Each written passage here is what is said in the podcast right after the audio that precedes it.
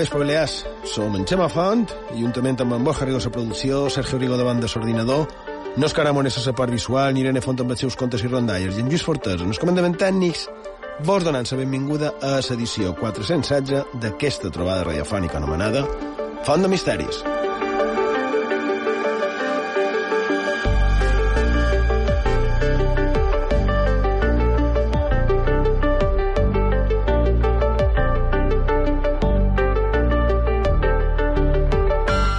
Vespre, Borja Rigo. Bon vespre. Sergio Rigo, bon vespre. Bon vespre, Xemà. Bé, ara abans d'entrar, ja sé que no estava previst, però estàvem comentant el tema aquest que, que darrerament es torna a parlar i a més també qualque oient mm, mos ha enviat per WhatsApp es, un vídeo eh? i faig referència en el cas Hummo. Dubtàvem, hem dubtat de si ho havien de tractar o no. Um, jo crec, Borja, que mm, no sé tu què penses, Sergio, però jo crec que ho podríem plantejar si un cas per la propera setmana. I de... pot ser molt interessant. És un tema, sense contar ara, molt complexa. Contacten suposats éssers extraterrestres a partir dels anys 60 del segle XX a Espanya. Va arribar a altres països, tenc entès.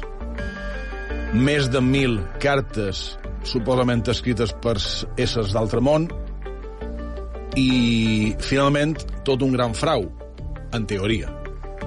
No m'estranyava jo que, En teoria. que, que en Borja firmés categòricament un gran frau. Però s'ha fet popular darrerament, perquè clar, si mos han enviat es, es, un vídeo, un parell de persones, és un vídeo d'una projecció d'Humo on una persona que està vinculada amb el tema, crec que un familiar dels que varen estar implicats en aquest cas, eh, bé, comença a cridar eh, a una sala de projeccions. Això és el que he vist a un vídeo.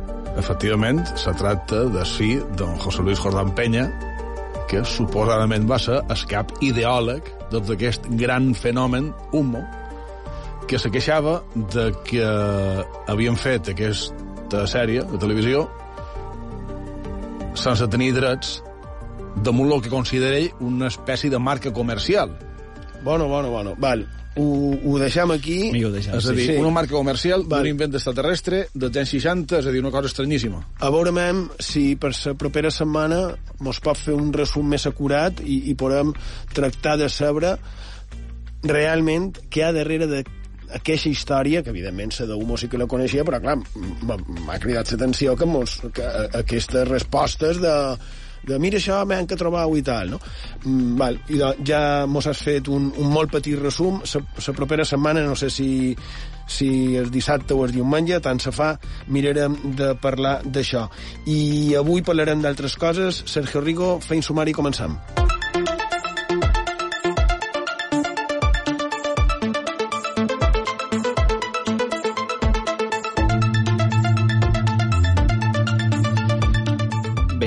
Abans d'anar a sumari, la setmana que ve tenim doble programa el diumenge, perquè crec que...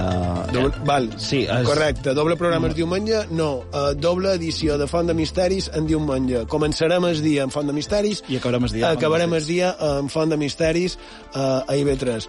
Mm, Val, perfecte, fantàstic. I de, no sabem si ho parlarem a l'edició matinera o a la del vespre, ja està. I d'això anem a la sumari d'aquesta edició 416 de Font de Misteris i avui començarem el programa parlant del cuc Pollentia Perezi, que té el nom de l'antiga ciutat romana. Per què aquest nom? A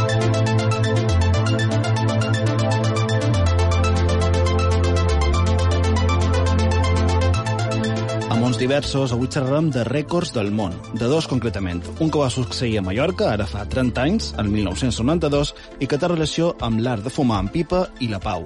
I també xerrarem de biblioteques, concretament de dues que han format i poden formar part de la història, per la seva dimensió.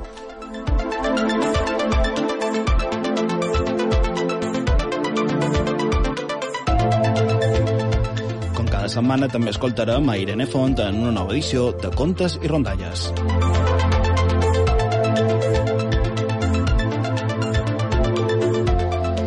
Per acabar anirem amb una llegenda on els bandejats són els protagonistes. Després la coneixem.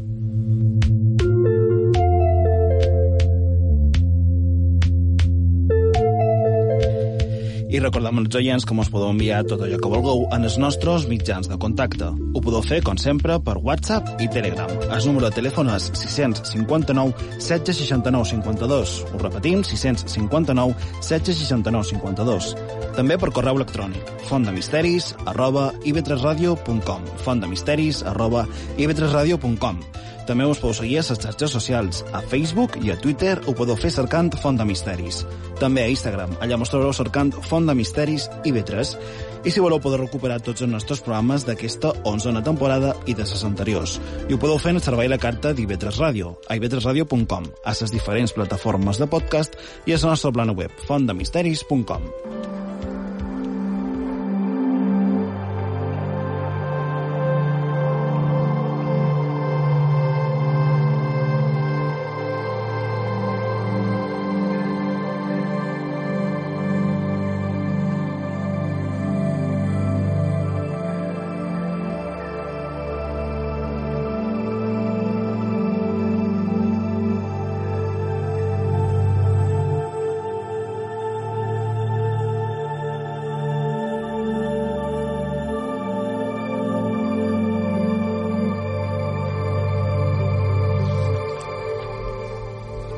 Doncs, cap de setmana passat, en Sergio va comentar per, per sobre... Es... Bé, estaves parlant de sa, de sa poyentia romana i d'allà te'n vas anar la poyença actual perquè poc dies abans havia sortit publicat la troballa d'un nou animaló que s'havia trobat a una cova. I clar, damunt d'això hem de dir perquè crec que és interessant i que és curiós que fins no fa tant es creia que les zones abissals de la mà i que a l'interior de les aigües de les coves no era possible la vida. Una mica el que vaig dir ahir quan parlava de les investigacions i algunes conclusions, pseudoconclusions damunt sa vida, per exemple, a Mart. I amb això jo diria que qualque cosa semblant salvant, evidentment, totes les distàncies. I vist des del punt de vista del públic de, del carrer, perquè resulta que això de impossibilitat de vida al fons, més fons de la mà o, o a dintre de les coves, es creia així fins que l'any 1905, en el bolletí de la Societat Zoològica de França, va sortir publicada la descripció d'un petit crustaci cavernícola endèmic de Silla de Mallorca i que duia per nom, ho tinc aquí, evidentment, apuntat, Tifolocirolana moraguesi. Això més senzill de moraguesi ve per, per Moragues, que és el ginatge dels propietaris de les coves del drac, per aquell temps que son Emil Racovitza va trobar aquell animaló. En el Museu de les Ciències Naturals de, de Solla, a Mallorca, teniu, si no vaig xerrat, al Manco la tenien, eh, fa dos anys, una rèplica llegant d'aquest animal que quan es va fer públic, aquest animaló, va resultar que no havia estat catalogat, que, que era desconegut i que el seu estudi originà una branca de la biologia, la bioespeleologia, que, com dic, hauria tingut origen com a ciència, com a nova ciència, eh, s'hauria originat a les nostres illes. Clar que sí.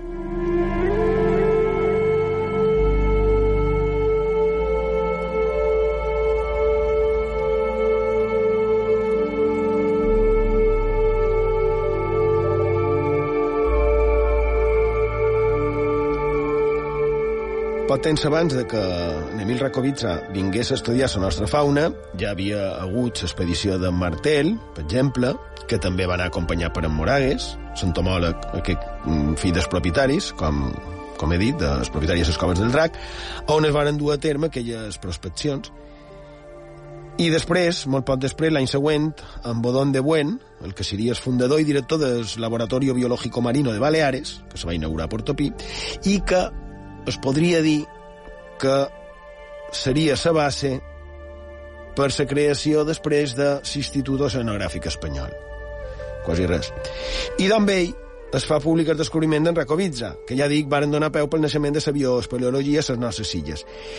I això va ser perquè en unes investigacions oceanogràfiques de principis del segle XX varen decidir fer una aturada, no ho sé, a lo millor per canviar d'aires, fer una aturada a Mallorca, van anar per de escala millor, amb el seu vaixell, amb el vapor Roland, i allà, això era ple estiu, van a les coves del drac, on es posen a trascar i a cercar animalets diferents, però ensemblasses amb altres.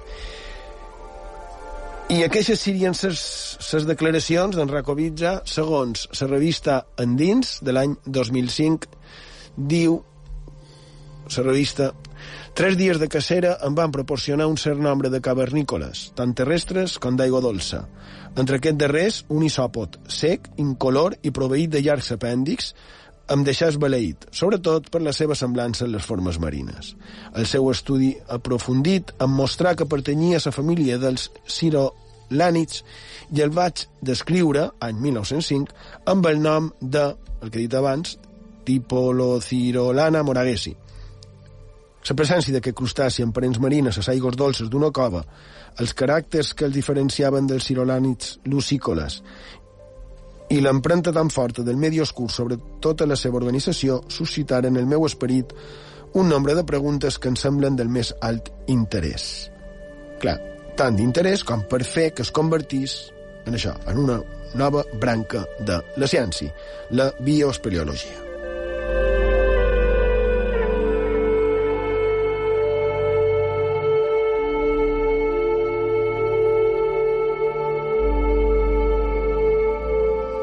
Recoman la revista a queixa, la lectura d'aquesta revista en dins de l'any 2005 que està a l'abast de tothom a la xarxa, a punt per, per qualque dia parlar d'aquesta ciència, del que va esdevenir, del que li va passar a un país com Espanya, a un científic com a Don de Buen, perquè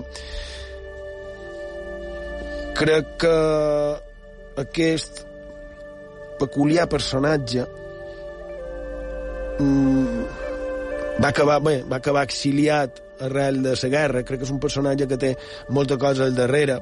I bé, tot això venia, aquesta introducció més llarga que estem a tractar, venia per allò del cuquet de Pollença, Borja Rigo. Efectivament, la setmana passada vàrem espipallar perquè s'ha descobert, per la web, una nova espècie de cuc. Es, com ho deia Sergio fa un moment, Espollentia perezi. Ho varen comentar els companys d'IV3 Notícies i, de fet, si voleu llegir textualment el que, lo que varen dir. Diu, una de les curiositats d'aquest cuc escamós és que els seus parents més pròxims se troben fora del Mediterrani, concretament a foses de més de 4.000 metres de profunditat del Pacífic i les plataformes continentals de l'Antàrtida. Els tres exemplars de l'estudi s'han trobat dins un llac subterrani a una cova de les costes del Cudi. El nom de Pollentia Perezi s'ha posat per mort de la ciutat romana de Pollentia, que se troba a la zona d'Alcúdia.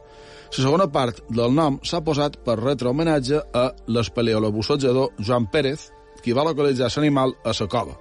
El cuc cavernícola encara presenta moltes incògnites, però els investigadors no descarten que se pugui trobar a altres indrets de Mallorca, Menorca i Cabrera.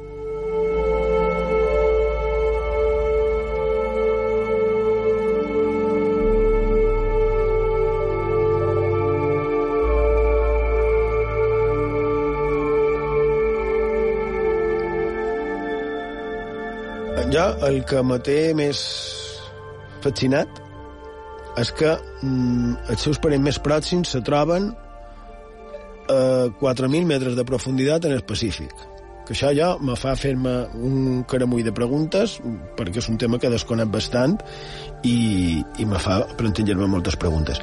I després has dit Poyentia, Poyensa, Alcudi, han de dir que la ciutat romana de Poyentia actualment no està a Pollença, sinó que està en el terme municipal d'Alcúdia, a Silla de Mallorca. Eh? Aquí hi ha aquesta petita curiositat també de, de que Pollentia romana no està a la Pollença actual. Bé, curiositats. Però sí que el tema de, del cuquet aquest me també per la cosa queixa de seguir havent tot tipus de, descobert, de descobriment, de troballes, de que no ho sabem tot i que queda encara molt per esbrinar.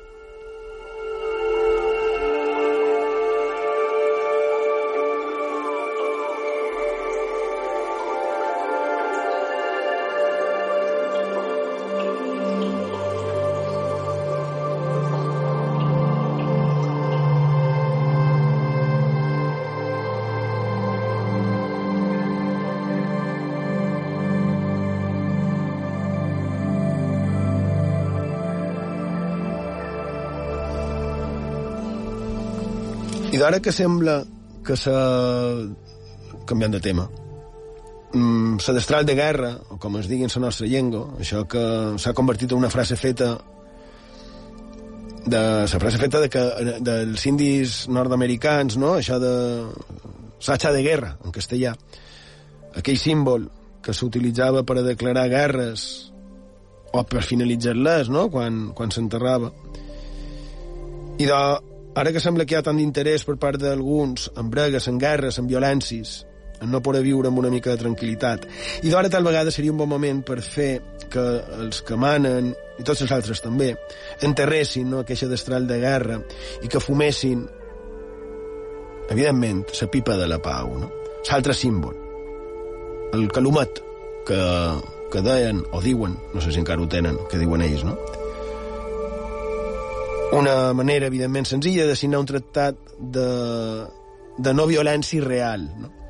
una manera de simbolitzar la pau, a part de lo dolent que és l'ús tabac, que seria un altre tema, ho estem dient com a símbol, evidentment, i ho deia per unes situacions que es donaven on no era necessari cap forma de, de tractat com a tal, no? on la paraula donada era més que suficient. Diu com ara que tot és desinformació. Millor no, no seguir per aquesta línia. I de, damunt pipa de la pau, ja després, com deia, eh, ja en parlaríem de, de lo que posam a dintre, no? perquè això de la pipa de la pau té, té aquesta cosa de que sembla que havia estat emprat també per altres cultures a on el tabac no era conegut, que jo crec que això és curiós també, no? És a dir, eh, tots sabem l'estem del tabac, però mm, altres cultures feien qualque cosa semblant amb altres coses que... amb altres fums, no? Perquè tenien aquests ritus de ensumar fums origen ritual i religiós de, del fumar, que, que això, que ve de fum. I donem a veure... Mm, Borja, fumar la pipa de la pau. So oft ich meine Tabakspfeife mit gutem Knaster angefühlt, zu Lust und Zeit der Treiber greife, so gibt sie mir ein Trauerbild und füget die I ara escoltant en Bach de fons, no per dir-se d'altra manera, la seva cantata a la pipa, m'agradaria parlar d'un rècord Guinness ben curiós i diria que pràcticament oblidat, que va tenir lloc precisament a les nostres illes, a Mallorca, ara fa 30 anys. Fou el 17 d'octubre de 1992. Ja d'entrada, el seu títol crec que és certament abocador. Fumada en pipa per la pau. der Rauch in freier Luft verschwindet. I no se tractava de que un grup d'amics s'ajuntassin per fer una bona fumada en pipa i passar una bona estona i recordar-se de necessitats, que això també està molt bé. No, era una idea molt més complicada.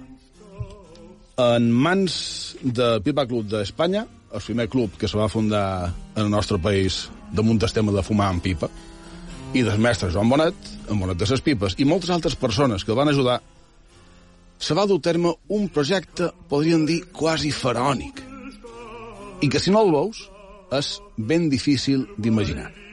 Aquest rècord, aquesta fumada per la pau, consistiria en que mil persones fumassin a la vegada, i aquí ve la bo, de la mateixa pipa. I què va passar?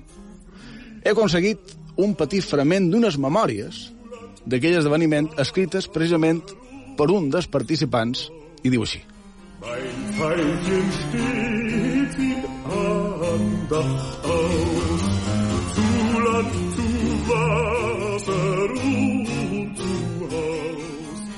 Yo estuve allí.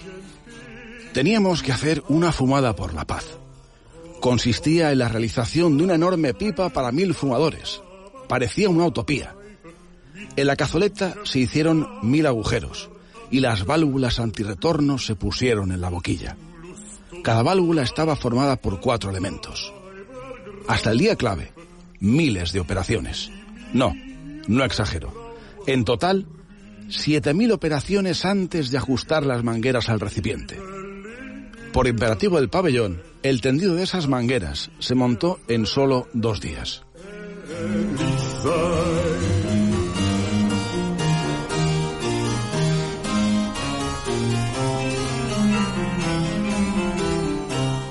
Llegó el día. La cazoleta fue cargada con cuatro kilogramos de tabaco y empezó a obrar el prodigio de la luz y el ambiente que envolvía todo el tiempo a la gran pipada. La gente iba acudiendo. En sus ojos se revelaba la sorpresa y el entusiasmo que la visión les producía. El gigante, pipa en boca, daba la bienvenida a todos. En el centro de la estancia, la pipa con sus mil mangueras relucía para ser encendida. Luego, todos expectantes. Funcionó. Yo personalmente estuve en el sector octavo y salió humo. Al chupar se consiguió el récord Guinness. Fue lo de menos. Estábamos luchando por la paz. Recinto Ferial y Febal, 17 de octubre de 1992. Ich kann bei so gestaltenden Sachen mir bei dem Tabak jederzeit erbauliche Gedanken machen. Drum schmauch ich mal Zufriedenheit zu Land, zu Wasser und. Bé, jo, la història aquesta m'ha fascinat. La, veri- la veritat és que una, cosa molt rara, molt estranya, evidentment. Que també, clar, això va vinculat amb el personatge i la persona, molt curiós, del conegut com Bombonet de ses Pipes, que té un, carrer, un carrer dedicat a la ciutat de Palma, en els hostalets. En Joan Bonet Nadal es deia que va néixer a Manacor, a Mallorca, 1929, era escriptor i la seva ocupació era artesà de fer pipes. Que pot, a dia d'avui pot semblar una cosa pues, con, sense mai, major transcendència, però és que tenia renom internacional. Pipes seves en mans de grans personalitats de l'època. Eh? I la veritat és que jo no tenia ni idea, m'he posat a cercar. Que ningú se pensi que jo tot això ho sabia, perquè evidentment no. Sabia qui era en Bonet de ses Pipes, perquè era un personatge que surt en els llibres de, de l'època, però, però no el coneixia. I resulta que, no sé si ho sabíeu això vosaltres, que va fer una cosa semblant una vintena d'anys abans. Va fer el que es coneix com una cachimba. Eh? Una cachimba, no sé si és el seu nom és aquest, però una cachimba amb una particularitat perquè era per a 100 persones. Eh, ho va organitzar el Pipa Club d'Espanya, que tenia la seva seu a Palma, del que era president el senyor Tomí Bestart, el que va ser cònsul dels Estats Units a les nostres illes durant tant i tant de temps, i el que va encendre aquella pipa va ser un altre mític a les nostres illes, eh? en Camilo José Cela, el Nobel de Literatura, vull dir, no, no el seu fill, i va dir una cosa d'oiuda, si voleu, però que té relació amb el que has dit de, del testimoni teu que, que me va agradar. Va dir en Cela, les felicito a todos ustedes por el ejemplo que están dando a todo el país por el hecho de fumar en pipa. Un acto sencillo e intrascendente. Yo al menos, al fumar en pipa, no puedo hacer otra cosa que fumar. Drum schmauch ich mal Zufriedenheit zu Land, zu Wasser und zu Haus.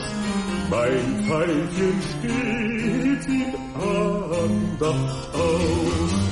Zu Land, zu Wasser und clar, quan en Cela deia que no podia fer altra cosa que fumar, se referia que mentre s'està fumant no s'està fent mal a, a la gent, no s'estan mm, pensant dolenties, etc. Ho deia, l'explicació era aqueixa.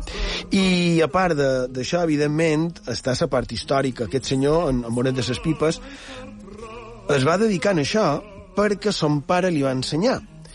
I son pare es va dedicar a això perquè quan la guerra va estar presoner a Manacor i allà un, un grup presoners, a la guerra civil, es dedicaren a fer pipes amb, que les van poder fer per, per l'actitud permissiva del que era el seu carceler, no? I arran d'això varen sortir mm, un caramull de, de pipes i, i la seva pràctica i autoaprenentatge per fer-ne, no? Històries curioses que s'amaguen les nostres illes, a part també, evidentment, de les llegendàries, com aquella que diu que el Contamal ja sabeu que surt pel, pel Galatzó, amb el seu cavall, etc. no? Però diuen que ja de mort compareix com un fantasma i diuen que sovint ho fa sortint a la balconada, ja sigui del Galatzó o de Son Pont a Puy Punyent, i ho fa precisament fumant en pipa.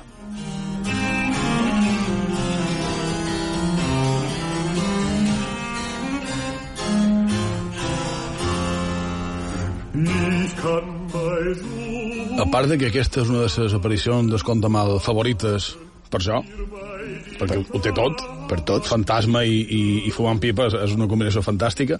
Jo me demano, els fantasmes contemporanis o els fantasmes futurs compareixeran fumant pipes d'en Bonet? És una bona pregunta. És una bona pregunta. Jo no tenc resposta, no sé, Sergio...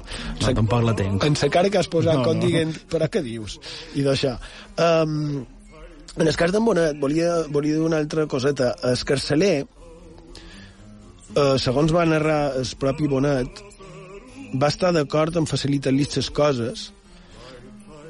Mm, si no vaig errat, també perquè treia qualque cosa de, de rendiment, no? qualque tipus de comissió que li devien donar. Però, clar, aquí el que també crida l'atenció és el que hi ha al darrere, no? perquè és una mostra d'una feresta realitat que es va viure no fa tant, no? Això és el tema que jo crec que també se podria fer la reflexió, no? Un senyor que fa la seva vida normal i li diuen tu aquí tancat, en aquell cas per, perquè estava, si no record malament, per afiliació a qualque, a qualque partit, i que per aquest motiu va aprendre a fer pipes, però perquè el carceler li permetia, no? Curiós, no? Curiós, també. Esta segona vegada que avui surt el tema de qualcú que per mort de la guerra li va afectar la seva vida i, i la seva dedicació. Curiositats. Bé, fem una aturadeta i tot d'una continuem aquí, a Font de Misteris, a IB3 Ràdio. Mein Pfeilchen in Andacht aus. Zu Land, zu Wasser und zu Haus. Mein Pfeilchen steht in Andacht aus.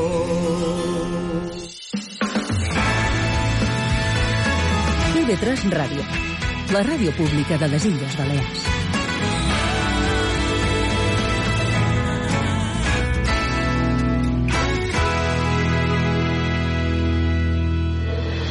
Som l'Araceli Bosch. Vos convido a acompanyar-nos a mirar l'actualitat cada dia, de 8 a 10 del vespre, a IB3 Ràdio. Miram què ha passat, però també què passarà, en context i anàlisi. Amb la participació d'experts i amb la de cadascun de vosaltres. Avisam, són des que veiem estació mig ple. Recordeu de dilluns a divendres a les 8. Entre avui i demà, al vespre, d'IB3 Ràdio. IB3 Ràdio és participació.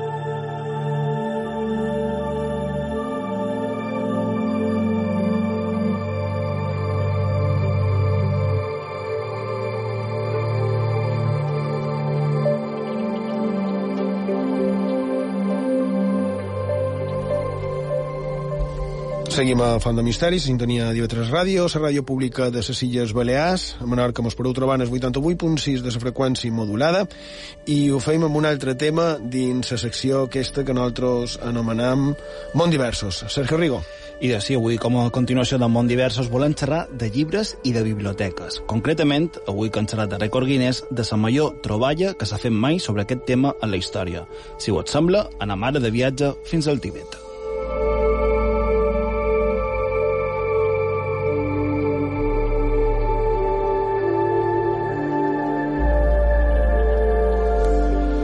Vos imagineu tenir a casa un total de 84.000 manuscrits?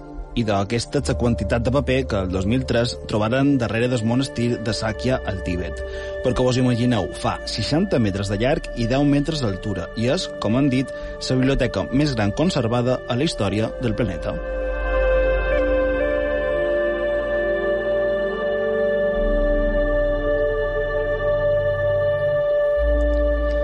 Han dit 84.000 manuscrits i vos demanareu en quina llengua i quina és la temàtica de tots aquests escrits. I de poden trobar tibetà, sànscrit, xinès, mongol i altres llengües desconegudes. Ho imagineu? Pel que fa a la temàtica, poden trobar des d'escrits que seran de la història del Tíbet, de filosofia, de poesia, de medicina, de geologia, de secrets ardans i d'hermètics d'aquell indret. És a dir, que molts dels seus texts són desconeguts. I, per cert, el test més antic que s'ha trobat té més de 1.000 anys d'antiguitat.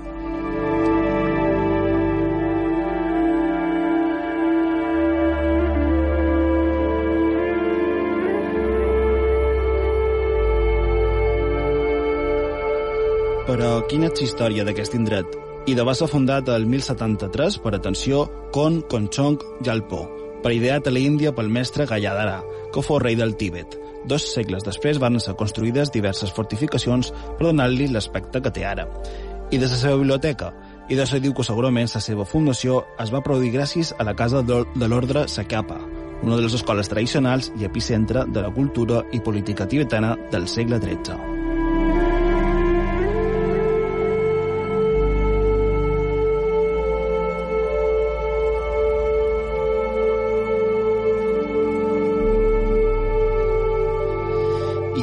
Anam amb una llegenda. Aquesta mos diu que Escon, el llinatge fundador del monestir, era ni més ni manco que una raça d'éssers celestials que varen descendre dels cels per cuidar el temple. Què vos pareix? I d'això darrer que has dit, m'encanta. Això m'encanta perquè això, aquestes baixades d'éssers celestials, que, que tal, que no sé què, això sempre, eh, queda, sempre queda molt bé.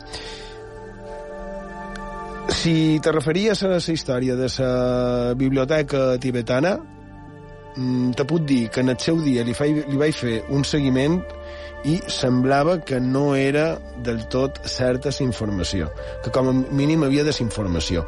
Sí que és vera que tu has parlat de mil anys d'antiguitat i jo record que una de les notícies falses, però jo de qualque manera que hi havia era que parlava que tenien textos de fa 10.000 anys.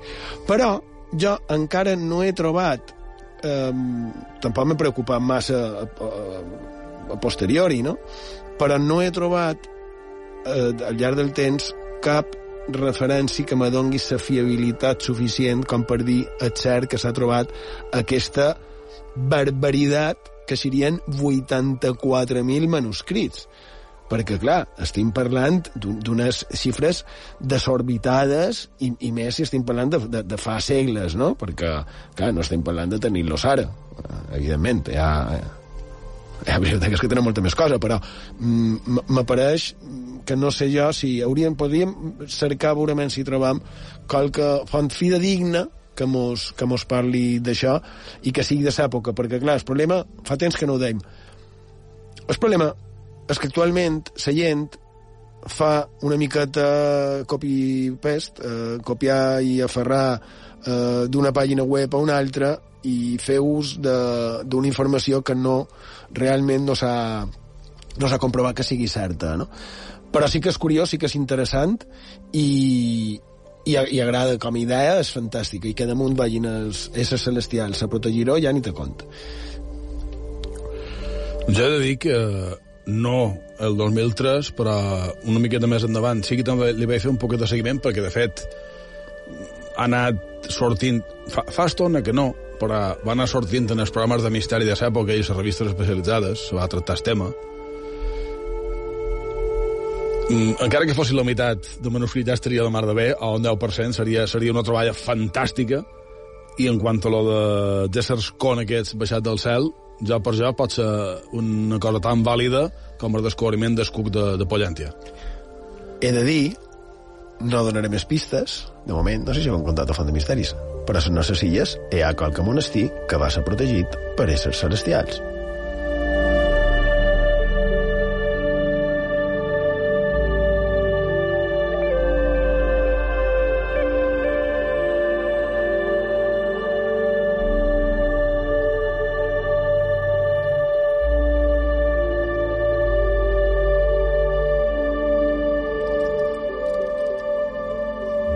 Avui, quan he parlat al informatiu migdia, els hi he dit que mm, en Sergio parlaria de biblioteques, jo sabia que parlaries de biblioteques i, i que jo m'imaginava que parlaries de biblioteca l'Alexandria.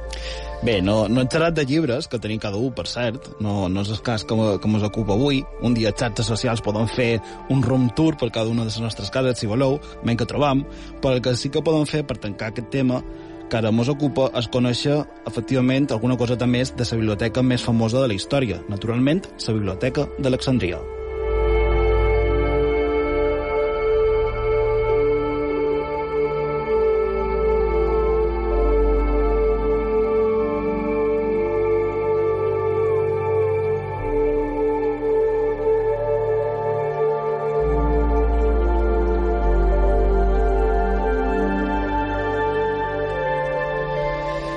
La Biblioteca d'Alexandria efectivament se va fundar a Egipte, a la primera meitat del segle III abans de Crist, durant els anacs de Ptolomeo I, Soter i Ptolomeo II Filadelfo. La biblioteca formava part d'un museu que tenia un jardí, un menjador comú, una sala de lectura i sala de reunions. Se pensa que la biblioteca va arribar a tenir mig milió de textos i a mitjans del segle III abans de Crist, el poeta Calímaco va treballar en ella i se creà el primer catàleg bibliogràfic ordenat precisament alfabèticament. I fins aquí la història habitual d'aquest indret, però anem amb dues coses no tan conegudes. La primera és sobre la seva destrucció. Sempre s'ha dit que se va cremar el 48 abans de Crist, quan Julio César va prendre foc a la flota egípcia, i les flames van arribar fins allà. I de no, perquè la biblioteca no està a la vora d'esport. Les investigacions diuen que segurament va ser destruïda quan Alexandria va ser ocupada per l'emperador romà Aureli el 273 després de Crist.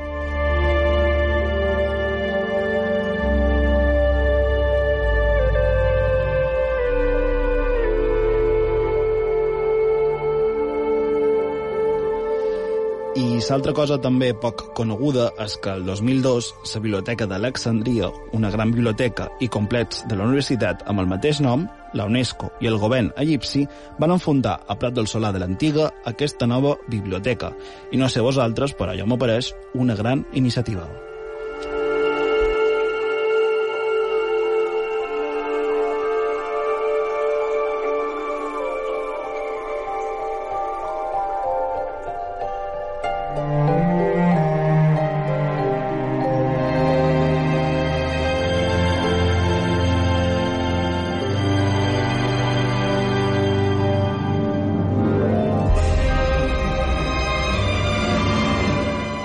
Aquesta sintonia vol dir que anem ara en la secció que nosaltres anomenam Contes i Rondalles, on Irene Font cada setmana mos du això, qualque historieta, qualque conte, qualque rondalla, que pel motiu que sigui, li hagi cridat l'atenció. Bon vespre, Irene. Bon vespre, Xema. Mos dus? Bé, per aquesta setmana duc una rondalla del llibre de Caterina Belriu Llinàs, anomenat Les rondalles que l'arxiduc no va publicar. Aquesta que triada s'anomena El dimoni negre. Està ubicada a Mallorca, concretament a Alaró, i conta tal que així.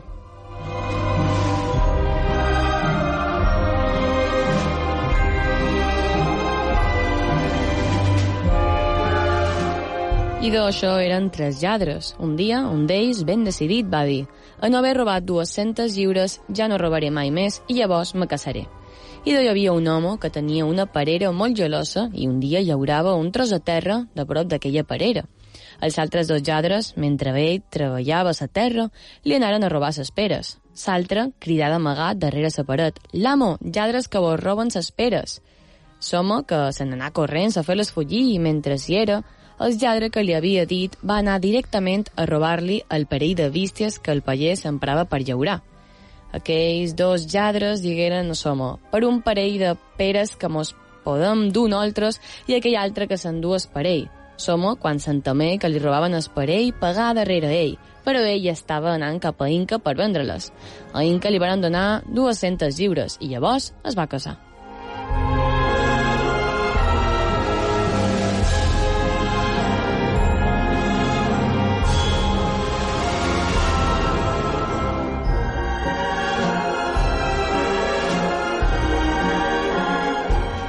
Un dia va dir a sa dona, hem de matar un porc i hem de convidar aquells amics meus, però hem d'estar alerta que no ens agafin l'animal. No t'has de descuidar de llevar la clau de rebost. Sa dona lleva la clau i la va posar davall el coixí del geure, i un d'aquells dos lladres se n'anà a sa dona i quan va estar adormissada li digué que has llevat la clau? Ella va dir, sí, jo la tenc davall el coixí. Mem que no hi sigui, diu el lladre. Sí que hi és, respon ella. Mentre, mentre, mentre deia això, el lladre va agafar la clau i se'n va amb l'altre dins el rebost. Es van endur tot el porc dins un sac.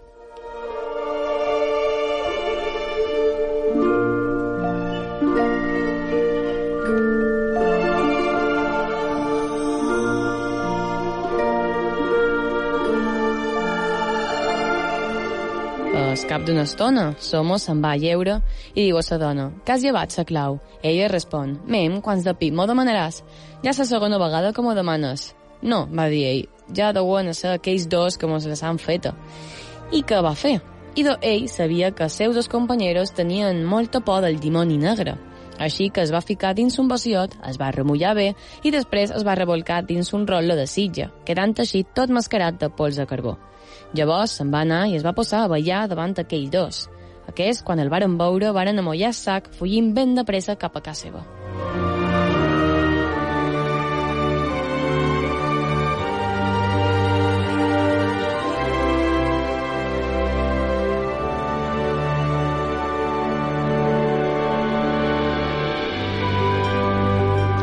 Quan els dos que havien fuit tornaren a cercar el sac d'esporc, no el trobaren, i varen començar a sospitar si era seu companyero que li s'havia fet por.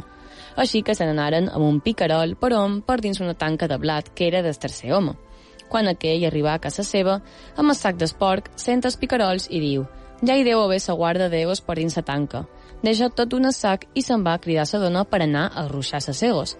Quan estava tot gest per fer por als cavalls, els altres dos li prenen el sac i se'l duen a, casa, a, a la seva cova. Ell, quan no veu ses egos, va corrents a cercar el sac i ja no el va trobar. Es vestit de metge, agafa un tros de paper i se n'anà a passar per davant la cova dels lladres fent com que llegia. Quan els lladres se'l veren, se n'anaren i un li digué «M'apareix que vostè és metge. Voldria curar aquest companyero meu que no està molt bo?» «Sí», digué ell, i el va mirar. Li fa una recepta i li digué que se n'anàs a cercar tot d'una. El lladre partí i quan es trobà tot sol amb l'altre, li dona una bona topada i el deixà per mort. Llavors es carrega una altra vegada el sac. Se'n va, se'n va, passa per una església i sent tocar una missa. Entra a l'església i deixa el sac darrere la porta. Quan va haver oït la missa, se'n torna a cercar el sac i en lloc de prendre el sac d'esporc, pren un altre sac, sac on dins hi havia un mort. Amen.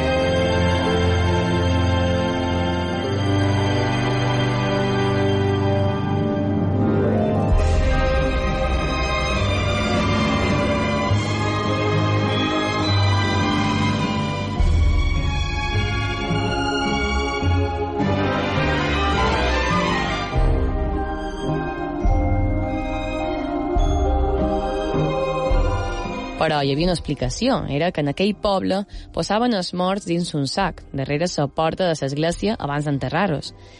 Uh, se'n van anar amb el sac sense saber res i quan va ser a un cert punt troba una tanca de figueres i diu ara hauria d'haver pres el sac desmort en lloc de prendre's d'esporc. O mira i treu es mort. L'eixanca damunt una figuera i se posa a menjar figues per baix. L'amo de ses figues ho va veure i li va dir «Lladre, lladre, que me robes ses figues». S'hi acosta i ell li digué per una dotzena de figues que vos puc menjar i aquell que la vos cull amb un paner. L'amo agafa l'escopeta i li pega un tir. i es mort caigué en terra. Com va veure som mort, digué en el que se menjava les figues. Germanet, que voleu i no direu res a ningú? Diu, que vull? 200 lliures.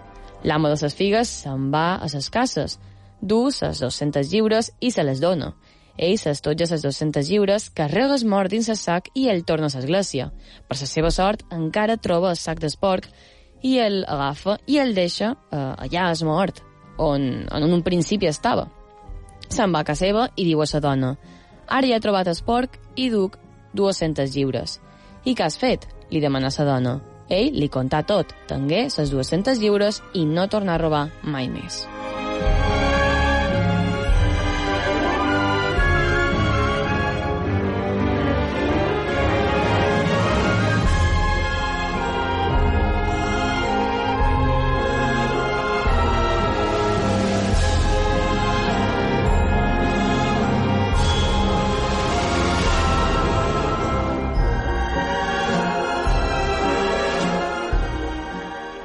El Manco no ha estat tan, tan bèstia, no?, com ses, de ses, jo crec que les dues darreres edicions de, de la teva secció, dels contes i rondalles.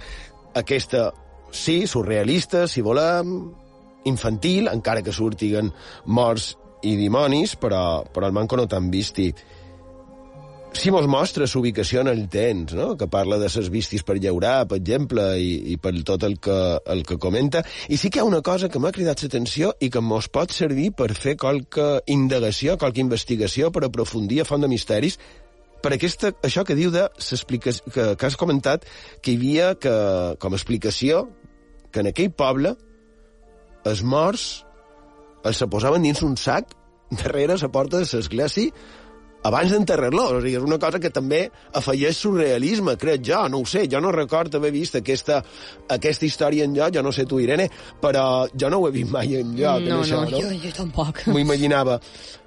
Molt interessant. Moltes gràcies, Irene. Gràcies a tu, Xema, i fins la setmana que ve.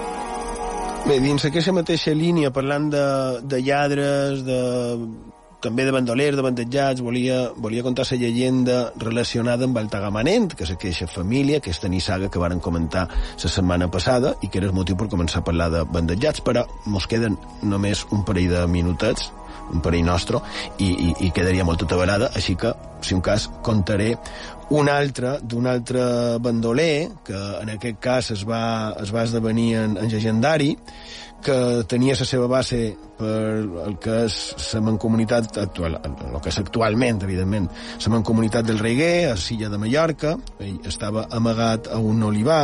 Això devia ser més o manco per d'haver l'any 1720, podrien calcular, perquè aquest personatge és real. I bé, en aquest cas, ell vivia un olivar que perquè li deixaven viure allà, ell estava en convinència amb l'amo, eh? l'amo sabia que ell vivia allà.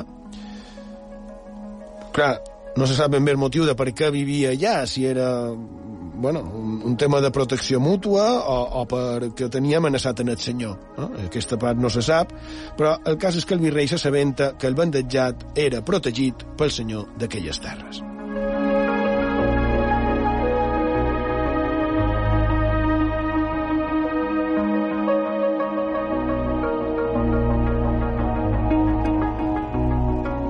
Tenim que potser fos una protecció mútua, no ho sabem, ja dic, no ho sabem, però sí que sabem que aquest Roget, que així es deia, era un personatge molt popular i, i que tothom sabia de la seva existència, les gens, però també els, la seguretat, no? en aquest cas el virrei, que li diuen al senyor la possessió, on s'amagava en Roget, que havia de complir la llei i que l'havia d'entregar. I el senyor no sabia ben bé com actuar, perquè, clar, per una banda, si feia una traïció en aquest lladre, tothom ho sabria i les conseqüències podrien ser nefastes, no? Però, clar, si no obeïen el virrei, també es ficava, evidentment, en un bon problema. I en el final li diuen al virrei que d'acord, que compliria la llei i que facilitaria la captura d'aquell que tenien com a delinqüent.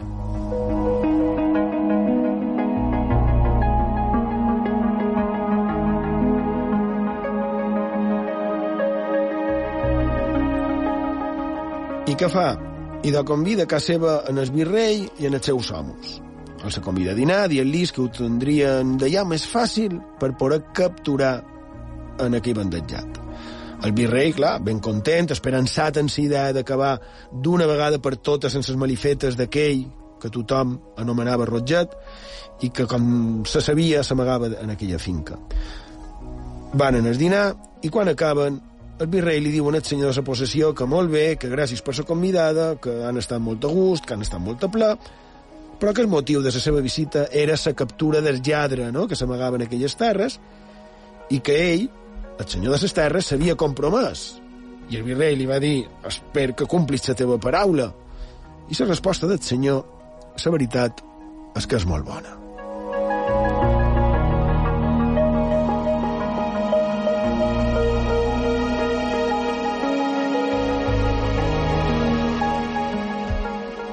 Permitidme, señor virrey, que os diga que os equivocáis, pues que he cumplido fielmente la palabra que os di.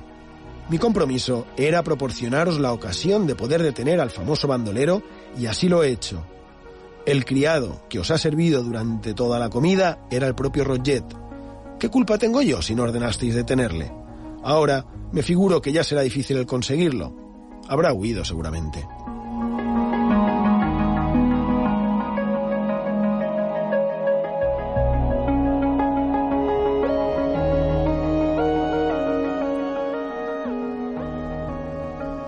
Aquest personatge, en Rotllet, va ser un personatge real, va existir, i en una altra edició de Font de Misteris parlarem d'ell, però sí que és curiós perquè acaba el, el senyor de la possessió dient-li que hauria fugit, segurament, i precisament parlen d'aquest senyor, d'en Roget, que tenia una capacitat legendària, com ell, de poder fugir sense que, sense que poguessin agafar mai, no? En aquest cas va ser una, una treta, una, ardús, una argúcia provocada per, pel senyor de la finca i per ell, no? Però té aquesta part misteriosa eh? que envolta la seva figura i que més en va lo contarem aquí, a Font de Misteris, a IB3 Ràdio.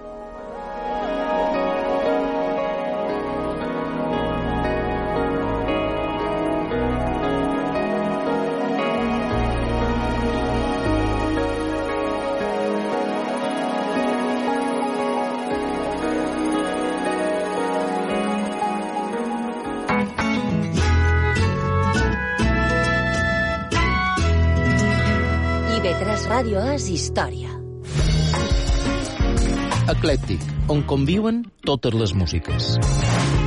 Eclèctic, amb Ferran Pereira. De dilluns a dijous, a les 11 del vespre, a IB3 Ràdio. Salut i bona música. IB3 Ràdio. És memòria.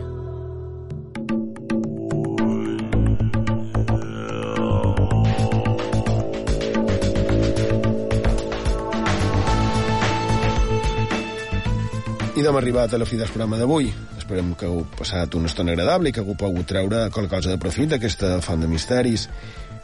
I avui, bé, que havíem de parlar de bandejats, però només els hem citat, bandejats i lladres, però hem pensat, tot tres, que queda dient aquesta cançó d'en Bumburi, que diu Sé que lo que es normal para la araña es el puto caos para una mosca y que es difícil derrotar a alguien que no se rinde. Hoy escribo con el desorden de la urgencia. Sé que el romper de una ola no puede explicar todo el mar y he renunciado a demasiado en los últimos años. Y de Enrique Bumburi, los términos de mi rendición. Allí Pau, nit. Gràcies per la vostra companyia i fins la setmana que ve.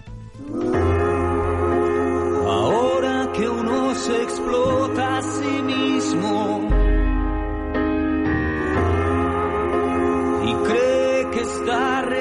realizándose. Que los tratan como a un amigo. Antes era un coloso, ahora un vampiro. Y escribo con el desorden de la urgencia que romper de una ola. No puede explicar todo el mar.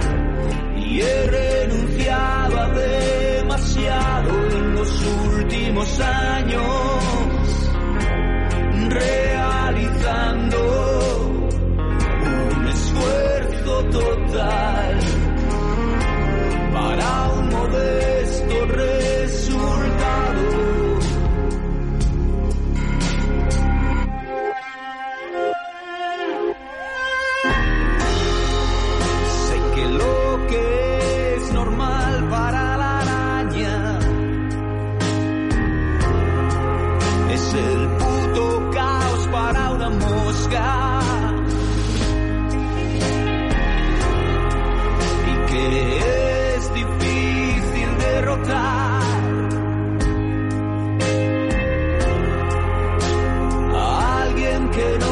rinde.